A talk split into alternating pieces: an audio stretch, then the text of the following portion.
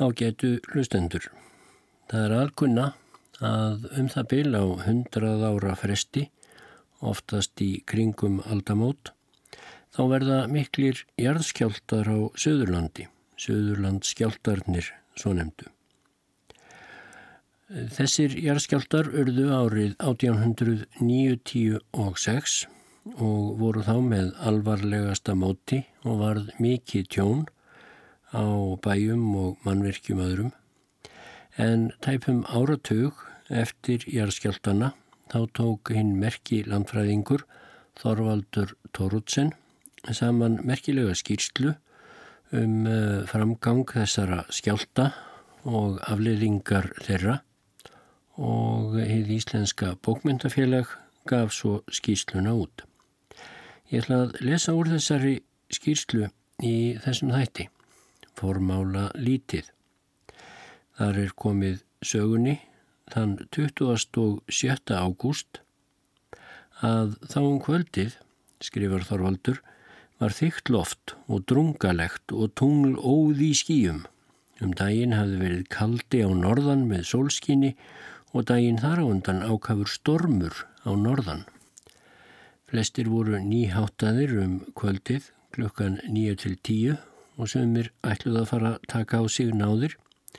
Þó voru á stöku bæjum á Suðurlandi en þá nokkrir utan hús og sumstaðar lágum en á engjum við tjöld eða kofa.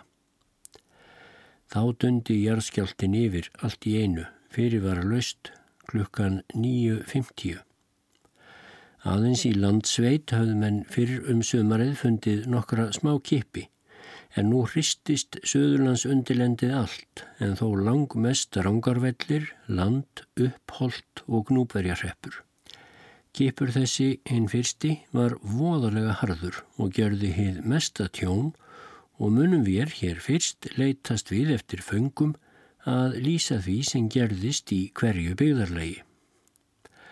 Á rangarvöllum var jærskjáltin langharðastur ofan til í sveitinni þótt hann væri reyndar allstaðar harður. Garðstaðir, eistri geldingalækur, heiði, þingskálar, kaldbakkur, bólholt, kót, reyðarvatn, gunnarsholt og minnahof fjallu alveg til grunna. Víðast var fólk háttað og sumstaðar sopnað en komst þó tálmunarlaust út úr húsum nema á sumum af þeim bæjum sem við gátum nú um. Á þingskálum voru sex í heimili auk húsfreyju sem ekki var heima. Hún var yfirsetu kona og hafði verið sótt til eh, konu sem átti vona á barni. Bóndi svaf á samt tveimur unglingum í öðrum enda baðstofunnar og komst þar út um stafnglugga. Ætlaði bóndi yfir í hinnendan að bjarga vinnuhjúum sem þar svafu, vinnukonu, vinnumanni og ungling hinnum þriðja, en þá var miðbygg baðstofunnar fallið og er bóndi kom út um glukkan hjá sér, sá hann að hinn endin var einnig fallin ofan á fólkið. Ætlaðan þá að ná sér í ljá til að skera ofan af þeim þakkið en verkfæri öll og ambóð lág þá undir rústunum. Flíti bóndi sér nú berfættur til næsta bæjar, fekk þar ljá og mannhjálp og tókst svo að ná mannunum lífandi. Þekkjan með súðinni hafði lagst á rúmgablana en stafnglögin brotnaði svo loft komst að þeim í rúmunum höfðu þau öll líf og sakaði ekki. Jörðin sprakk sundur undir bænum og margar sprungur aðrar mynduðust þar í nánd. Einn kýr kapnaði þar í fjósi og önnur meittist. Í bólholti ól kona barn hálri stundu á undan jærskjáltanum. Það var andvana hafði konan verið færið í rúm anspænis því í baðstofunni sem hún var vönað að sofa í og kom það til af atviki að hún var ekki afturkomin í sitt eigið rúm en fullirt er að hún myndi hafa kramist hefði hún verið komin þangað aftur í sitt rúm svo miklu meira seg súðin þeim megin. Tóks nú að koma koninu út um stafngluggan á baðstofunni og var hlúðaðinni í kálgarðinum þanga til náðist í tjald þegar tjaldað var yfir henni. Konan komst fljótt til heilsu aftur og var orðin alheil sunnudaginn 5. september. Í bólholti fjellbærin algjörlega, þar drafst kýr og kalfur og nokkrar kindur sem hlaupið hafðu inn í fjárhús við skjáltan. Á minnahofi fór allt í rúst, göng fjallu saman en fólk hatt brotist út um glögga. Í koti var húsmóðurinn ein í bænum. Bondin var í gravarnesi að heia og uh, fór ekki heim eftir kipin. En um morgunin þegar bondin frá Svínhaga fór hjá koti og tók að higgja að hvernig þar væri ástatt, þá sá hann að húsmóðurinn lág út í glukkanum. Hún var föst undir rústunum og komst eigi út. Og reyfan þá til og hjálpaðinni má næri geta að hún hefur orðið fegin eftir þessa laungu nótt, en ekki var þenni samt verulega mynd af þessu. Á reyðarvatni gjör fjallun næri öll hús og grunnur undir timburhúsi þar, svo húsið fór næri á hliðina. Túngarðar rundu allir og túnið sprakk víða. Reyfingin kom bynt úr norðri og bæjarhúsin fjallu fram á hlaðið. Bærin stendur undir gamalli uppgróinni raunrönd og fyrir neðan hann er tjörn og lækur, hróarslækur. Lampús hínum eigin við lækin skemmtust hins vegar lítið. Bóndin á reyðarvatni var á engjum í gravarnesi þegar jarðskjáltin kom og láð þar við í kofa en fólk frá keldum var í öðrum kofa. Þar fannst fyrsti lítill kipur og mínútu setna kom aðal skjáltin stóri. Heima á reyðarvatni var konan með börnin og þau björguðust öll slísa löst. Lækurinn hjá reyðarvatni umhverfðist allur, svo hann var í taklmarkum kvöldið en var komin í samt lag næsta dag. Á tjörnina komu óurlegar öldur og vatnið spýttist hátt upp.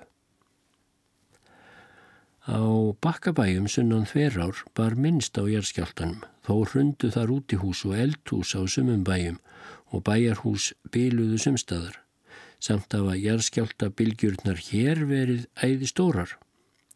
Vinnumadur frá Otta sá að þver á þornaði upp þegar landskjálta bylgjan reið af, þar sem hún á undan og eftir var í bóknútu. Í Otta og hverfinu í kring rundu þök af fjósum og eldhús brotnuðu niður á sumumbæjum, stort íbúðarhús úr timbri í Otta var með öllu óskemmt aðeins nokkrar meinlausar rifur í grunnmúrin, kirkjan skemmtist ekki heldur en hræðist svo að klukkurnar í turninum ringdu sér sjálfar. Þar fjallu og stórir leggsteinar um kolli í kirkjugarðinum. Mikið gekka á jótta, þótt ekki er því skaðin meiri. Opn sem gemdur var laus uppi á efralofti, rapaði niður stígan og bókaskápur hundi í herbergi pressjónana þar sem frúin var stödd með börnin nýháttuð en koruga þá byltu hyrði hún svo mikill var kvinurinn og brakið í húsinu.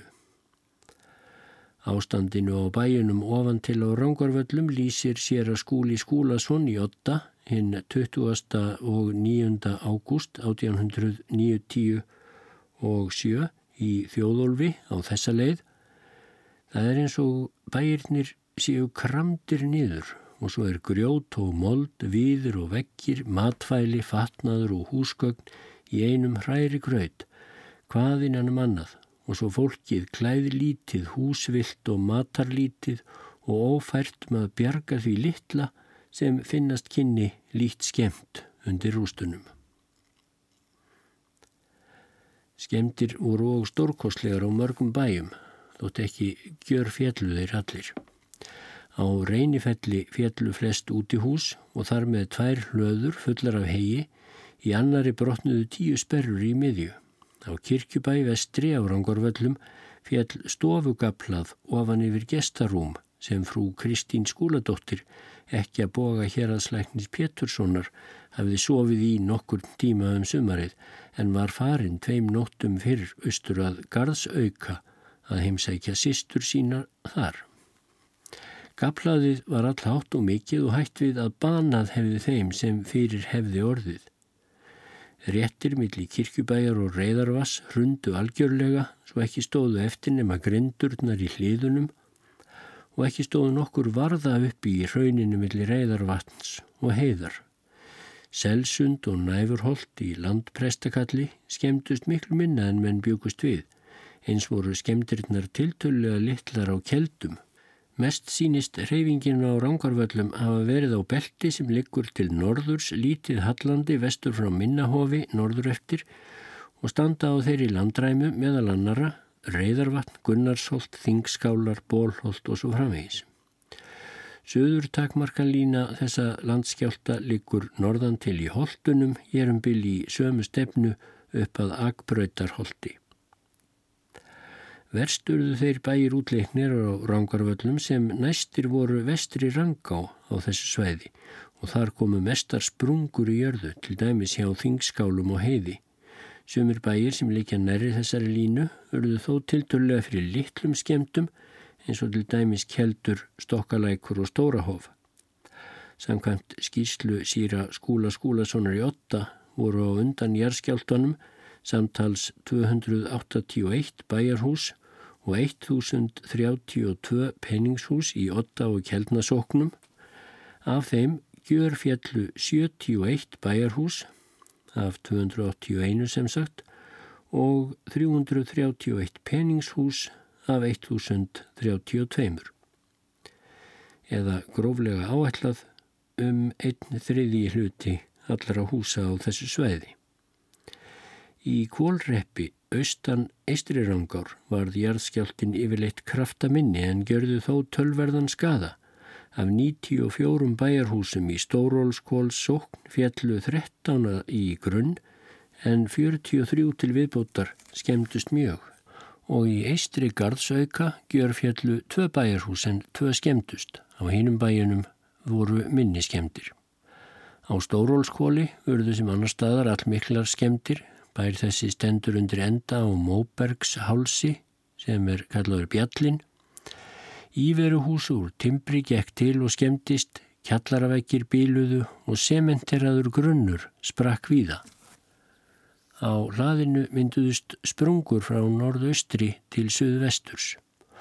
Ólafur Hjeraðslæknir Guðmundsson varð auk þess fyrir þeim skada að missa nær allar meðalabyrðir sínar til vetrarins sem hann hafði nýfengið, skápur með meðlum hans hrundi og brotnaði þar allt brottætt. Í endanum á bjallanum, rétt fyrir ofan bæin, var inn í helliskútan okkur um uppsprettulind ágætt, hitt besta vassból sem hitt skrápur. Vatnið spýttist fram úr láréttir í sprungu í móberginu inn í hellinum en í jærskjáltanum kvarf lindin og hefur ekki sést síðan. Líklega hefur sprunga komið í bergið fyrir ofan og lindin hefur horfið í hana og síðan fengið annað afrensli. Í fljótslíð fannst kippurinn úr norðri, landnorðri og gjörði allmikinn skada á flestum eða öllum bæjum. Af 502 bæjarhúsum í breyðabólstaðar prestakalli fjallu 65 að grunni en engin bæjarhús gjör fjallu þó fyrir innan múlakott.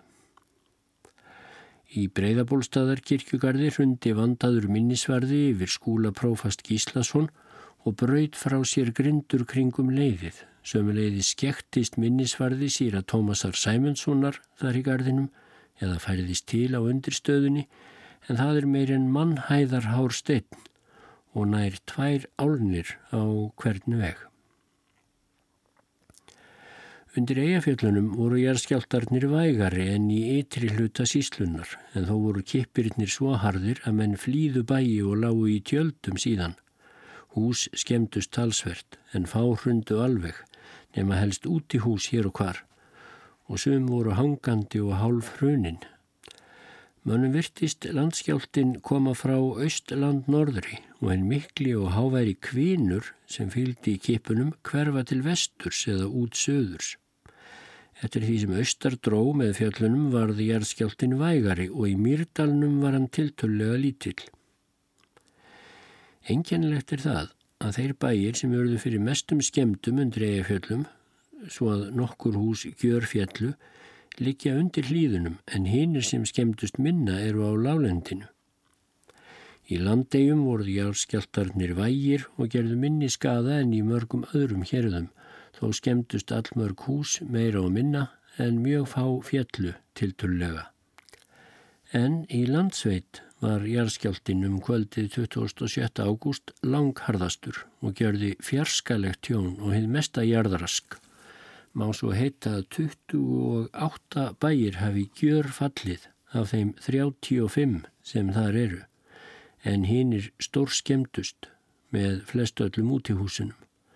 Aðeins sex baðstofur hengu uppi í allir í sveitinni samt bjargaðist fólk hér sem annar staðar. Guðmundur Bóndi Guðmundsson á Rólstaðahelli segir svo frá landskjáltanum Á heimil mínu voru allir nýsopnaðir en klukkan 10.30 þá vaknaði ég við voðalegan brest og hljóp upp úr rúmi mínu. Skall þá framstafn baðstofunar á mig ofan og sá ég að allt leka á reyði skjálfi. Stafir og sperrur brotnuðu og húsið seg nýður af veggjarhunni.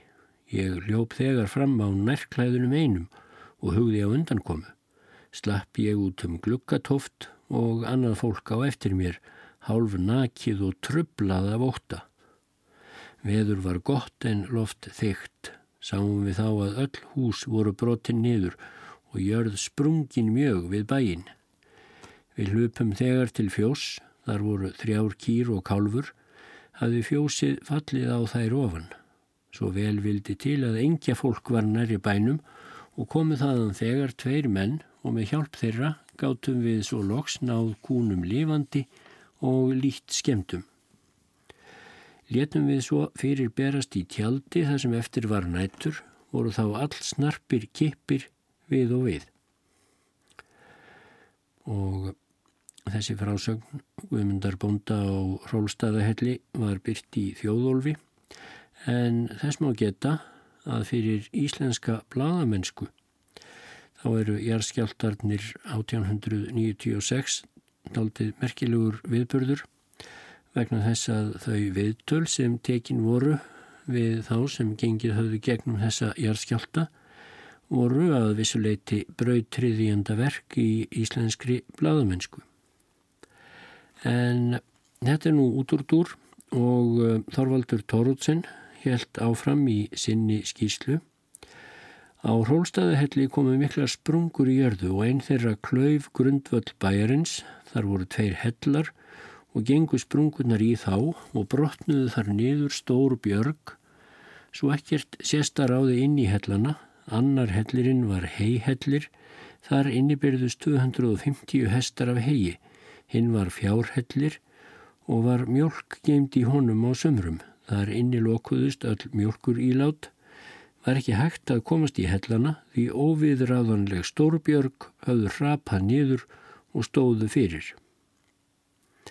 Í kvammi á landi var nýreist timburhús, aðalhúsið tæpar 8 álnir á vitt og rúmar 12 álnir á lengt með rúmlega fjögura álna víðum skúrum við korallið jafn löngum og húsið Kjallari var undir en frá grunni upp á þak var húsið nýju áluna hátt. Eldavél var í norðurenda húsins sem stóð á steinlýmdum grjótgrunni. Við jarðskjáltanum kvöldið hinn 2007 rundu kamparnir kringum húsið og húsið með hliðarskúrum hoppaði fulla alinn fram af grunni sínum og hjekk þar á nösunum.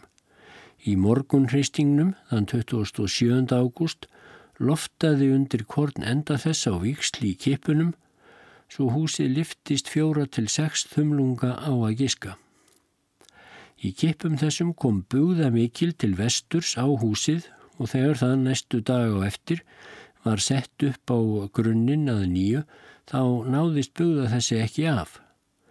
En þann 5. september skall jarðskjálta hreyfingin á húsið úr vestri þegar varðu alvarlegur eftirskjálti og setti það í samtlag aftur og bugðan fór þá loks af. Ejólfur Bóndi Guðmundsson í Kvammi lýsir jarðskjáltanum 27. ágúst á þessa leið í Ísafold.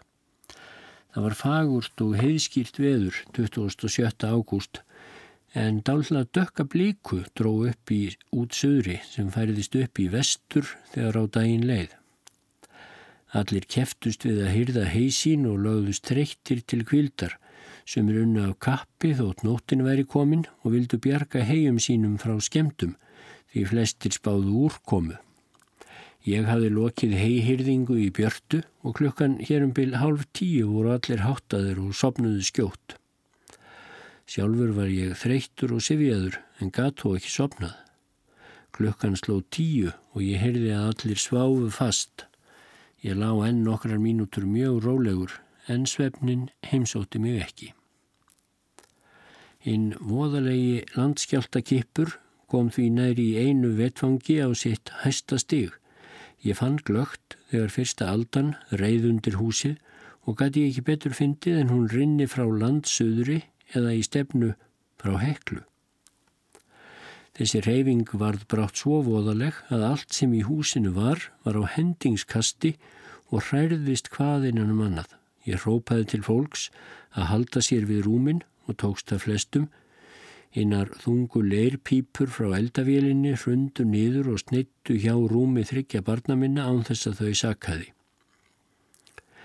Ekki var að furða þótt allt lauslegt færi á hreyfingu því húsið hoppaði upp á milli þess sem mér fannst það eins og í rólu frá norðri til austurs. Engin leið var að fóta sig meðan þetta gekk yfir eða hreyfa sig yfir leitt meðan ósköpin gengu yfir en jafnskjótt sem því létti fór ég við annan mann að litast um hvað gerst hafði og var þá margt að sjá. Þið fyrsta sem ég kom auga á er ég kom niður úr stíganum var það að jörðin hafði sprungið undir norðurönda húsins og var eldavélin horfin þar ofan í, svo hún sást hverki. Þessi sprunga reyndist þó ekki svo mjög djúb. Skúrveikirnir voru sundur tættir Svo ekki var stein yfir steini, hinn steinlýmdi grunnur fyrir söður hlið húsins var brotinn í smá móla en húsið hekk á nösunum nær eina alinn fram af grunninum. Norður gafl kjallarhans hafði algjörlega rótast upprónum en hlýðarveikinnir hafði sprungið frá með hérum byl tveggja álna þykku moldarlægi með sér sem ekki hafðu við vekkina skilið. Fyrir það hrunduður ekki og fyrir það að þeir hengu svona gæt húsið kvílt á þeim og brotnaði heldur ekki í spón nema auðslár og stafir í skúrunum sem grjótið í þeim hafi lamið í sundur um leið og þetta rundi.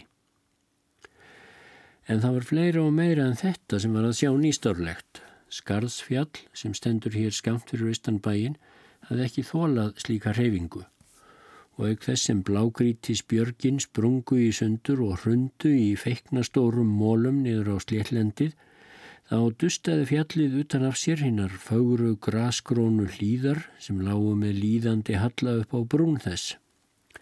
Þessar feikna þykku graslýðar sem flestar voru engjar hér frá kvammi og svo einn frá næsta bæ, hellum, Þær höfðu runnið líkt og þykkur lögur væri niður á sléttar grundir sem liggja með fjallinu sunnar og líðarnar höfðu ekki numið staðar fyrir en rúmum fimm föðmum eftir að þeir komu niður á jafnsléttu.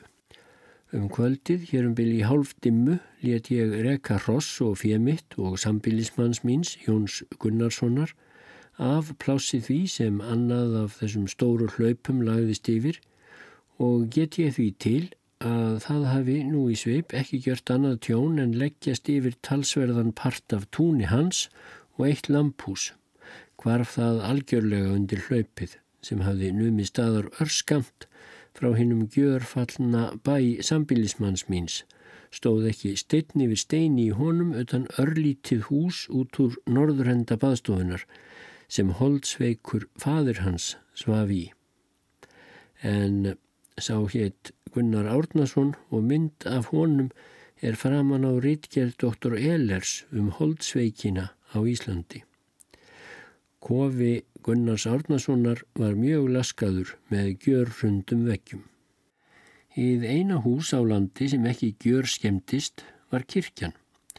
Hún var jafn góð að öðruleitin því að alltarið rökk frá og tveir ljósahjálmar brotnuðu því þeir slóust í járnbytta sem er í henni, annar ónýttist alveg en hinnaður nokkur leiti. Timburhúsin á kvammi og felsmúla skemmtust heldur ekki algjörlega en á bjalla rundi að velli ný baðstofa, vönduð, með steinlýmdum veggjum en ekki full búinsamt.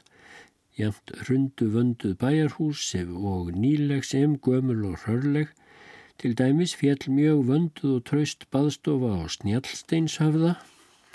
Atbyrðirnir á bæjunum meðan á jærskjáltunum stóð voru svipaðir víðast hvar. Á lækjarbotnum hrapaði til dæmis allur bærin nema baðstofan hjekk uppi þó ekki lengur en til næsta morguns þá fór hún alveg í morgun kipnum sem þá reyði yfir. Tvær heilöður rundu og allur bærin á eftir var eins og umsnúin rúst. Farvegir uppspretna þar í kring breyttust mjög og raunhólar og bakkar klopnuðu og hröpuðu. Um nóttina varð fólkið að liggja allslaust út á túnni með tvö ungbörn, tjald og allt annað lágundir rústunum. Næstu daga voru með nauk þess matarlausir eða matarlittlir því matvæli skemdust eða urðu undir rústunum á samt öllum áhöldum. Vinnumadur svaf í skemmu á pressetrinu felsmúla á landi, háir grjótvekkir og þygt ræfur fjallu ofan á hann þar sem hann svaf. Hann var grafin upp úr rústunum því heima fólk vissi glögt hvar hans var að leita. Hann var þjakaður mjög en þó ómeittur. Þremur húsfreyjum var bjargað undan eldhúsarústum sem höfðu gjör fallið ofan á þeir. Guðrýði Fimboadóttur og Vindási, Helgu Árnadóttur og Guðrýði Gísladóttur á flagveldu. Þær náðust allar lifandi undan rústunum. Á fjórum bæjum fórst fjenaður í húsum. Þrjár kýr á einum bæ, tvær á öðrum og fjórtán ær í húsakarði. Norður og austur af Skarðsfjalli hefur jærskjáltin líklega verið nokkur minni því þar hengu uppi lélega byggðir kofar á sumum bæjum. Þó var reyfingin þar mikil. Jóhannes Bóndi á Skarvanesi var á ferð með nokkra lausa hesta í lestum kvöldið 27. ágúst nálagt mörg sem er næsta jörð við Galtalæk. Heyrði hann þá kvein mikinn úr landsöðri norðanhalt við heklu og leiti áttina sá hann þegar hvernig jörðin gekk í stór bylgjum að austan með voðalegum brestum og í því vetfangi sem járskjálta aldan eh, reið undir þá duttu sumir hestar hans en að sumir slingdust til og frá.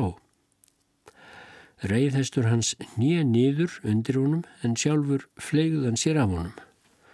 Hjælt Jóhannes að allt væri að forganga og sama mun fleirum hafa komið til hugar.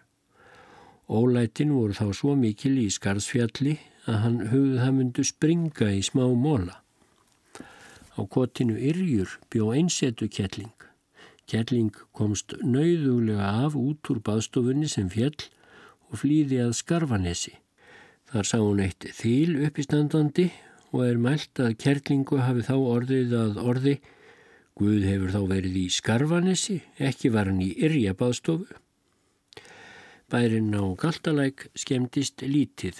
Jarðarask var mikið á landi, heljar miklar sprungur komuð þar víða og jarðvegur allur umhverfðist. Og eins og fyrir gátum við þá var skarðsfjall fyrir miklu harð njaski af landskjáltanum. Fjallið klopnaði allt og sprakk og þrettán skriður fjallu úr því að vestanverðu. Fjallið hristi sig eins og hundur nýkomin af sundi og grasvegurinn losnaði víða frá klöppinni og seg niður á lálendi. Skarðsfjall var þeim megin víðast hvar grasi vaksið upp á brúnir og jarðvegur þykkur ofan á móberginu sem er aðalefni fjallsins. Vestan með Skarðsfjalli eru bæirinnir Látalæti, Hellur og Kvammur og gekk þar mikið á meðan mestu ókjörin dundu yfir, einna mest í Kvammi sem fyrir frásagt. Sama dag var hei hyrt af engjum á flötunum með hlýðinni fyrir sunnan kvam og var nýbúið að koma heim hegi af bletti í fjallskrika þeim sem stærsta skriðan fjall yfir og hefði fólk líklega orðið undir skriðunni ef það hefði kefst minna við og hyrðingin dreyjist fram á kvöldið. Mýraslægur hjá minnivöllum skemmtust. Þær voru eftir jarðskjáltan eins og flag yfir að líta og svipað umrót var þá jarðvegi í mýri fyrir vestan lækjarbotna og víðar. Uppsprettur breyttust víða. Lækur sem var vassból frá kvammi þornaði upp og láfið sjálft að stóruvallar lækur hirfi líka en þá hefði orðið hið mesta tjón í sveitinni því lækur þessi lífir söðurhluta landsveitar fyrir sandróki. Hann stöðvar sandgára þann sem líkur nýður sveitina fyrir austan skarðfjall. Stórvallarlækur vald brátt fram sem blóð væri en tveimur dögum setna var aftur tært honum en vassmagn hans hafði hins vegar minkað um það byl til hálfs og hefði rauða jarðefni sem blandast hafði saman við vatnið sást þá á eirum hans í fjöruborði. Nokkrir lækir aðrir urðu og blóður rauðir af rauðum leir sem víða er hér í jarðvegi og urðu sömur óttasleiknir að slíkt myndi bóða einhver enn meiri eða skelvilegri tíðindi. Sprungur þær sem mynduðust á landi í jarðskjáltanum eru mjög margar og sömar afar langar. Stæsta sprungan næri yfir sveitina þvera frá vestri rangá um lækjarbotna og flagveldu vestur að þjórsá alla leið. Sprungan er að mestu óslítinn og fullar tvær mílur á lengt. Margar smerri sprungur eru jafnliða þessari aðal sprungu. Kvöldkipurinn, þennan 27. ágúst, var sunnan og vestan til í holdum vægari heldur en á rangorvöllum en mjög harður var hann ofan til og austan til í holdunum í þeim byggðarlögum sem líka næst landsveitinni. Allir þeir bæir sem mest hrundu í þessum fyrsta kippi eru fyrir norðan og austan línu sem likur yfir holdin þver frá Akbröytarholti við Þjórsá og vestur að vestri Rangá fyrir vestan Árbæjarkverfi. Átök Jærskjáltans voru fyrir norðan og austan þessa línu mjög mikil, menn köstuðust fram og tilbaka og eruð að halda sér. Fjenaður fæltist og nötraði af hræðslu og jarðvegur umturnaðist víða. Seilingarhár steitna og snjálsteinshöfða, sex faðmar ummáls og tölvert honni jörðu, kiftist til um fulla alin og annar minni, þó næsta mikill, kastaðist norður um þver fett.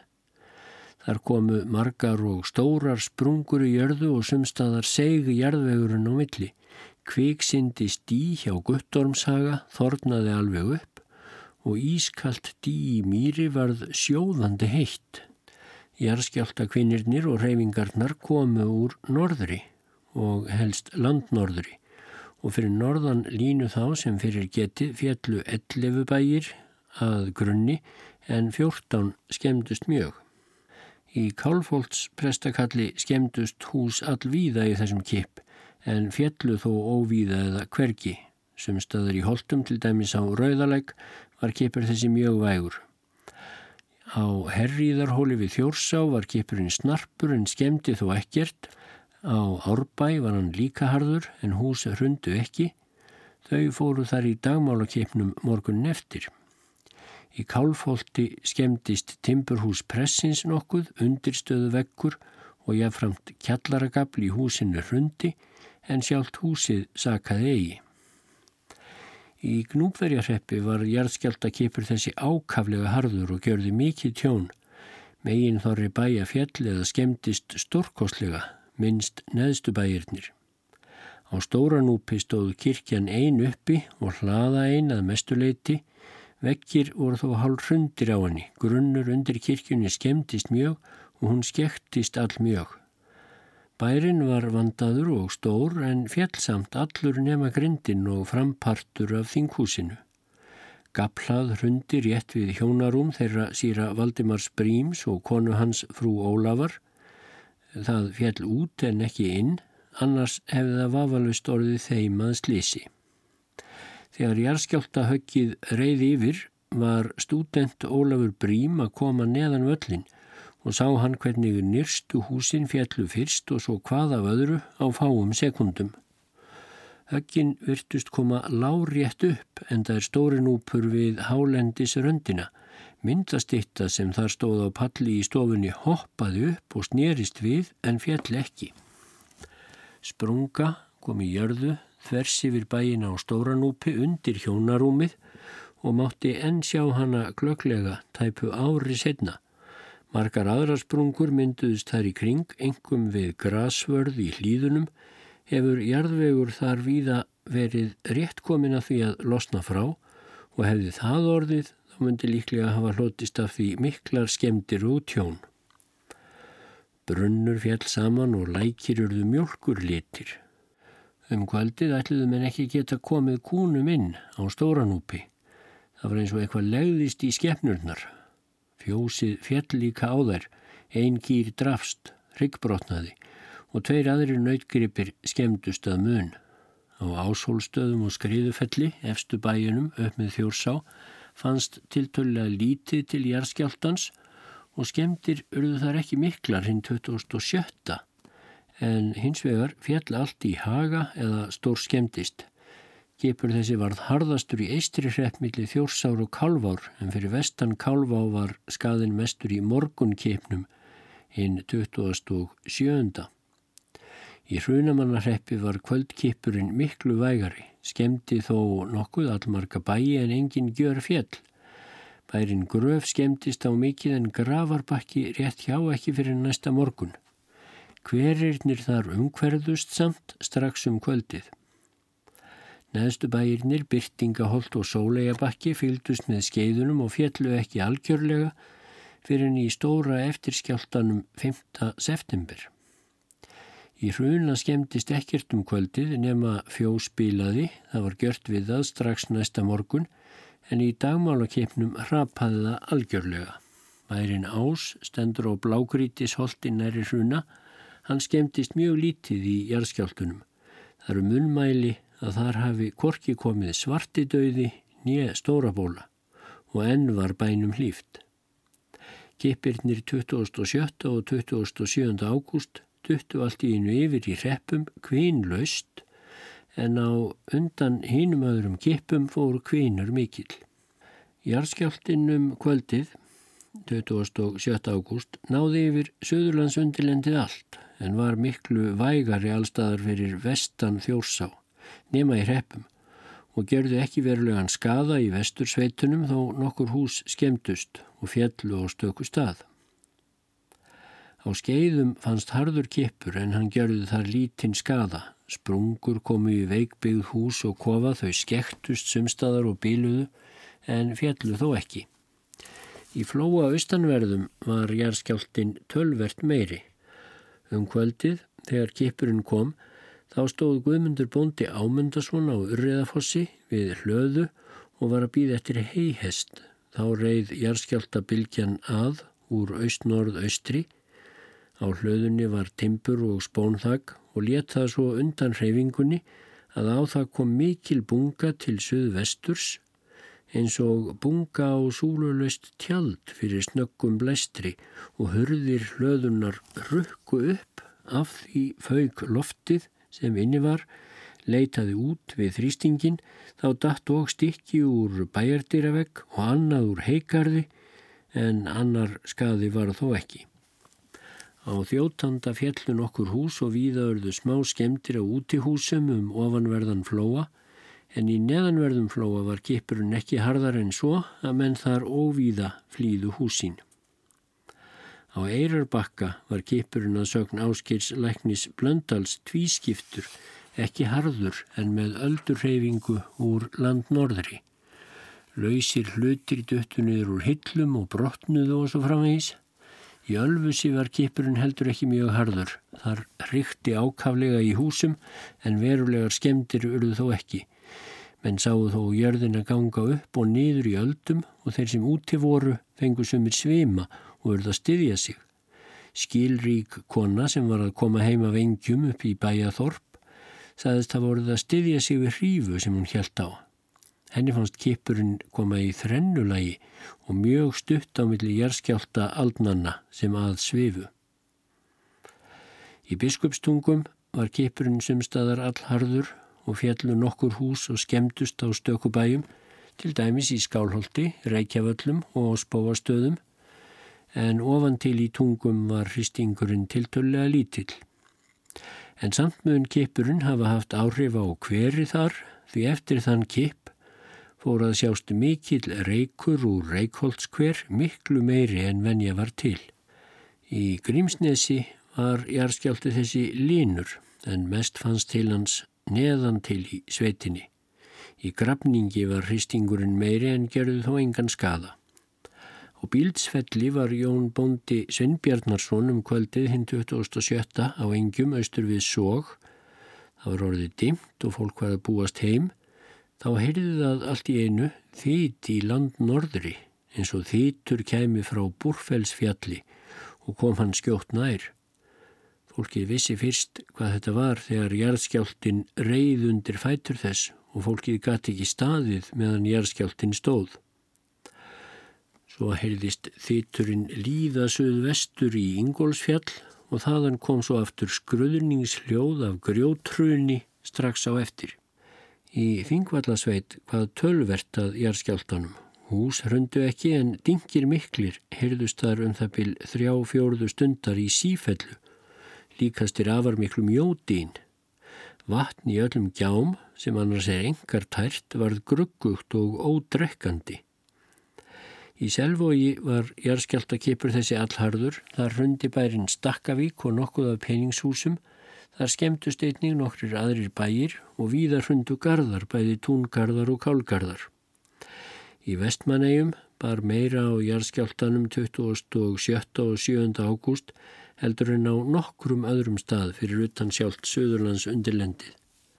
Um kvöldið 27. ágúst kom þar snarpur jarðskjáltakipur sem stóði yfir um halva mínútu, litlu síðar annar, nokkur minni og nokkur setna tveir aðrir vægir kipir. Fannst mannum hreyfingin ganga frá norðaustri til suðvesturs. Fyrsti kipurinn var harðastur og lengstur, hús hristust all mikið en skemmtust þó ekki til muna, smá ílát með vatni og þess aftar halv tæmdust. Fólk sem flest var háttað eða sopnað fór við á fættur og uh, hljóp út. Kippurinn næsta morgun var enþá harðari í vestmannegjum og gerði þar mikinn usla. Hann kom um morgunin þann 27. klukkan 9.30, fyrst vægur kippur og tveim mínutum síðar annar, mjög harður, sem stóði yfir mjög skammastund. Nóttina eftir fundust enn nokkrir vægir kippir. Menn voru þarna um morgunin stattir í fjöllum á nokkrum stöðum við fílaferðir, rundu þá víða stór björg, minni steinar, grasflúðir og skriður úr fjöllunum fóru víðast fram í sjó en sumstaðar umrótuðu þau grasverðinum. Þá voru fimm menn hættast komnir neðst í svo kallari dufþekju norðan á heimakletti, einu mannskæðasta fílaplássi þar því grjótlaup kom efst úr hákollahamri og hrundi niður fyrir alla rauðupalla og nokkuð af döfþekju og niður í tún. Þá voru einnig fimm menn á tveimur bátum neðan við döfþekju að taka inn fugglann sem nýbúið var að kasta ofan til þeirra frá veiðimönnum. Þegar skruðningurinn heyrðist hlupmennirnir sem í bjarginu voru upp nokkuð til hlýðar og flegðu sér þar niður og grúfu hver hjá öðrum og töldu sér og hinum á bátunum dauðan núvísan meðan grjót hríðin ruttist framhjá og nokkuð yfir þá. Engan þeirra sakaði þó nema einn, Ísleif Jónsson. Hann fekk mikinn áverka á hægra hupp af steinhöggi, sár hér um byrj lofa stort og marðist þar ekki mikið á baki og lendum. Eftir grjótríðina var hennum særða komið niður á brún og látt henn síga í festi um 30 faðmann niður í skip og fluttur á eigðið og svo borin heim. Hann andaðist 31. sama mánadar af áverkunum. Hér um byrj díu mínútum fyrr hafðu þeir allir verið litlu austar og þar varð hrapið svo mikið að það myndi hafa sópaðið um öllum döðum niður í sjó hefðu þeir verið þar enn.